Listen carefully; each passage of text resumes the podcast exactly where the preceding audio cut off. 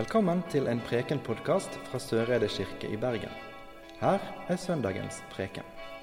Og Jeg leser fra Johannesevangeliet, kapittel 11. Da Jesus kom fram til Betania, fikk han vite at Lasarus alt hadde lege fire dager i grava. Betania ligger ikke langt fra Jerusalem, bare 15 stadier om lag, og mange jøder var kommet til Martha og Maria og ville trøyste dem i sorga over broren. Så snart Martha fikk høre at Jesus kom, gikk hun og møtte han, men Maria ble sittende hjemme. Martha sa til Jesus, Herre, hadde du vært her, så hadde ikke bror min dødd. Men nå òg veit jeg at alt det du ber Gud om, vil han gi deg. Bror din skal stå opp igjen, sier Jesus.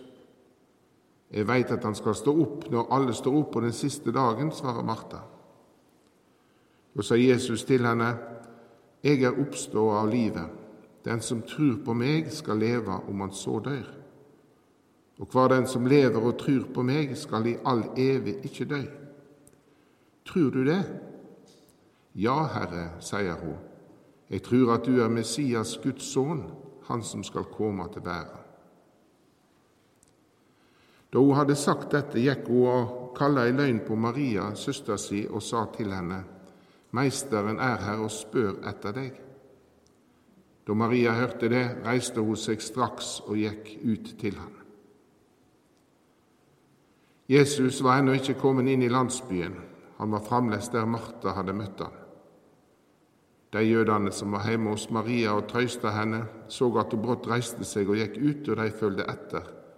De tenkte at hun gikk ut til grava og ville gråte der. Som nå Maria kom dit Jesus var og fikk sjå han, kasta hun seg ned for føttene hans og sa, Herre, hadde du vært her, hadde ikke bror min dødd. Da Jesus så at de gret, både hun og alle jødene som fulgte henne, ble han oppskaka og opprørt i sitt indre, og han sa, Hva har de lagt han? Kom og sjå, Herre, svarer de. Jesus gret. Da sa jødene, Sjå hvor glad han var igjen. Men somme av dem sa, Han som åpna øynene på en som var blind, kunne ikke han ha hindra at denne mannen døde.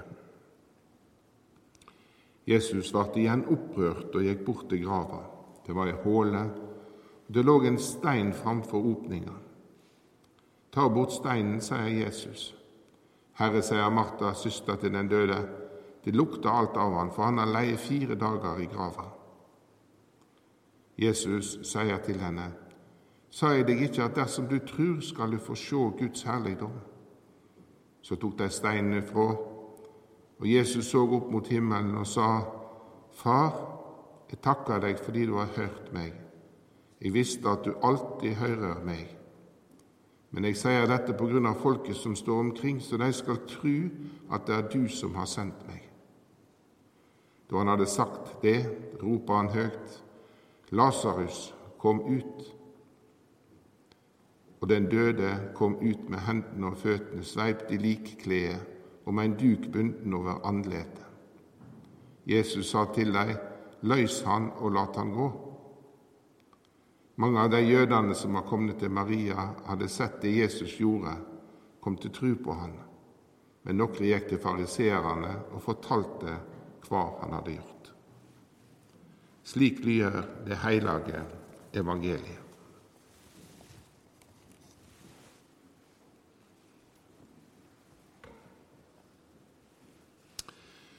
Hvis bare, eller hvis bare ikke.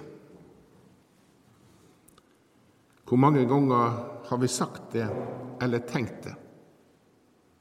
Hvis bare ikke det og det hadde skjedd. Hvis bare jeg hadde forstått det tidligere. Hvis bare han eller hun hadde sagt eller gjort slik eller sånn. Hvis bare er noe vi tenker på eller sier veldig ofte, og det ligger veldig nær oss når livet byr på utfordringer.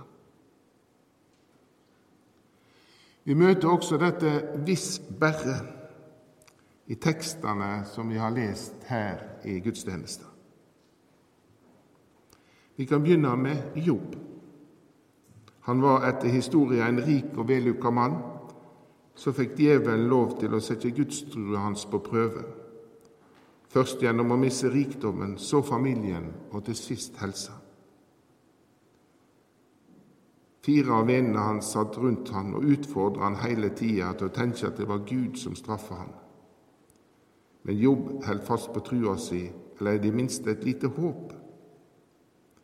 I teksten i dag hører vi hvordan han i det minste håper på at orda hans ble nedskrevne, så han ikke ble glemt for ettertida og forsvant ut av historia. Vennene til Jobb sa ofte 'hvis berre'. I brevteksten fra Paulus til Timotius kan vi høre et visst berre' litt bakom brevskrivinga. Paulus sitter i fengsel, og Timoteus, den nære medarbeideren, er i ferd med å miste motet og tenker at hvis bare ikke Paulus hadde blitt fengsla, så hadde alt vært bra. Og Paulus skriver for å sette mot i vennen sin Timoteus. Og I denne fortellinga fra Johannesevangeliet møter vi det flere ganger. Først Martha, utenfor denne vesle byen Betania. Den, de fattige sin by, betyr navnet, litt øst for Oljeberget. Der møter hun Jesus og kaster seg ned for føttene hans og sier, Hvis bare du, Jesus, hadde vært her, så hadde ikke bror vår dødd. Da hadde Lasarus fremdeles vært i live. Og Så utspiller det seg en veldig spennende dialog mellom Martha og Jesus akkurat der. Bror din skal stå opp igjen, sier Jesus. Jeg veit han skal stå opp igjen når alle står opp på den siste dagen, svarer Martha. Da sier Jesus til henne, Jeg er oppstår av livet. Den som tror på meg, skal leve om han så dør. Og hva den som lever og tror på meg, skal i all evig ikke dø. Tror du det? Ja, Herre, sier hun, jeg tror at du er Messias, Guds sønn, Han som skal komme til verden. Og Så springer Martha og henter søstera si Maria. Det samme tar seg opp igjen. Maria kaster seg ned for Jesus. Hvis bare du hadde vært her, så hadde ikke Lasarus dødd. Men Jesus reagerer helt annerledes denne gangen. Han blir oppskaka, han blir rørt, og han gret. Og Så går de til grava, og Jesus roper Lasarus tilbake til livet. Og dette er altså det sjuende teiknet som Jesus gjør i Johannes evangeliet. Tallet sju var et heilagt tall. Det er også tallet på lys i menoraen, den staken som er rikssymbolet for Israel.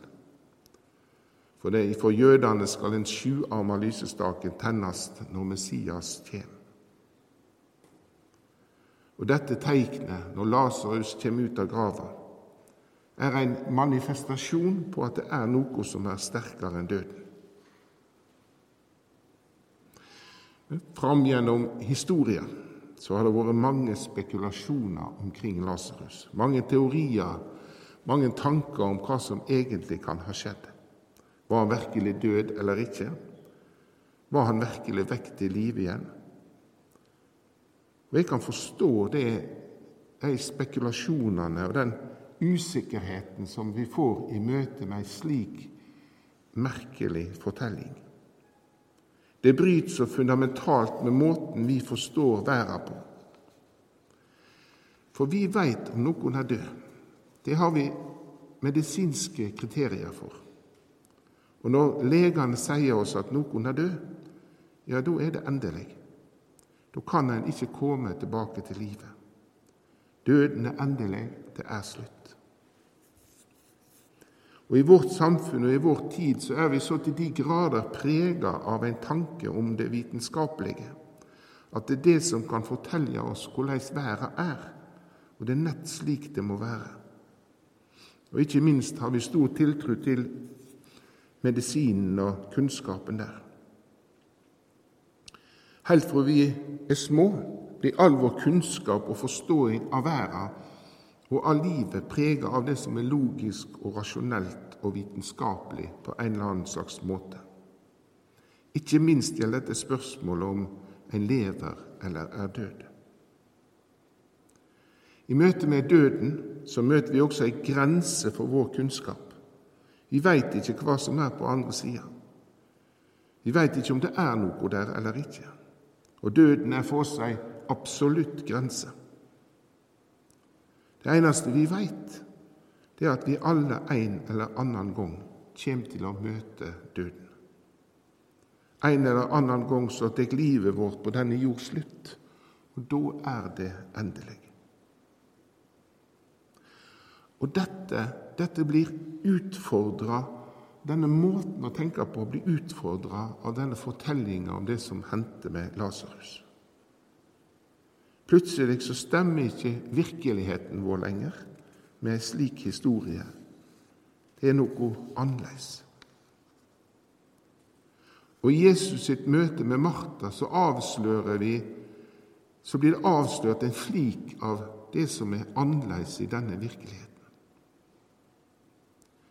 Skulle det vise seg at Martha hadde rett, at Jesus er en del av den Gud som på forunderlig vis har skapt jorda vår og har gitt oss livet.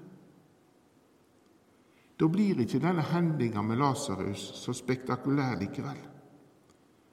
Da kan det faktisk ha hendt. Så etter det vi veit, så døde Lasarus en naturlig død en eller annen gang seinere.